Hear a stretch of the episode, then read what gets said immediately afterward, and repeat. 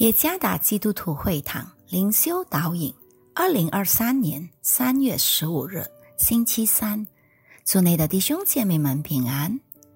今天的灵修导引，我们将会借着圣经哥林多前书第九章十一节来思想今天的主题：是收割的时候。作者房仁康传道。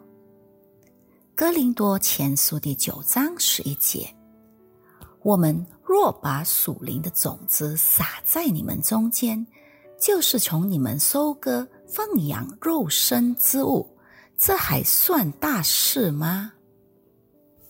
乔尼住在雅加达，他是一个园艺爱好者。他利用几个盆子来栽种菠菜，他撒下了大量的种子。原以为那些已经存放了两年的种子多半可能死了，但全都长出来了，真是出乎意料。他不知所措，唯有添加花盆来栽植，结果所有的种子都长得大而茂盛，即使只是一颗小菠菜，也足够供应他的小家庭吃一餐。他也把收成的菠菜与周边的人共享。今天的灵修经文中，使徒保罗引用了“所以”这个字，这是总结前面的句子所说的。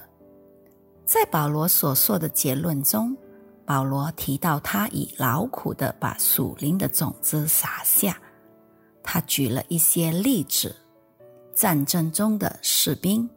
耕种和打场的农夫，以及牧养牛羊的牧人，他们都殷勤工作，等候收获，并在喜悦和满足中享受成果。接着，使徒保罗强调这部书信的宗旨和目的，即属灵的事。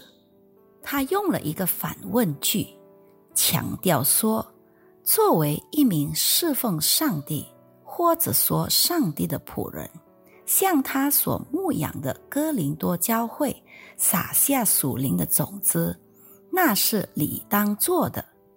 更何况，保罗和他的同工们以及教会长老从教会弟兄姐妹得到物质的供应，这也是他们的权利。所谓物质的资助。就是供应他们在侍奉上所需要的费用。教会的信徒应当对上帝仆人的生活和需要负责。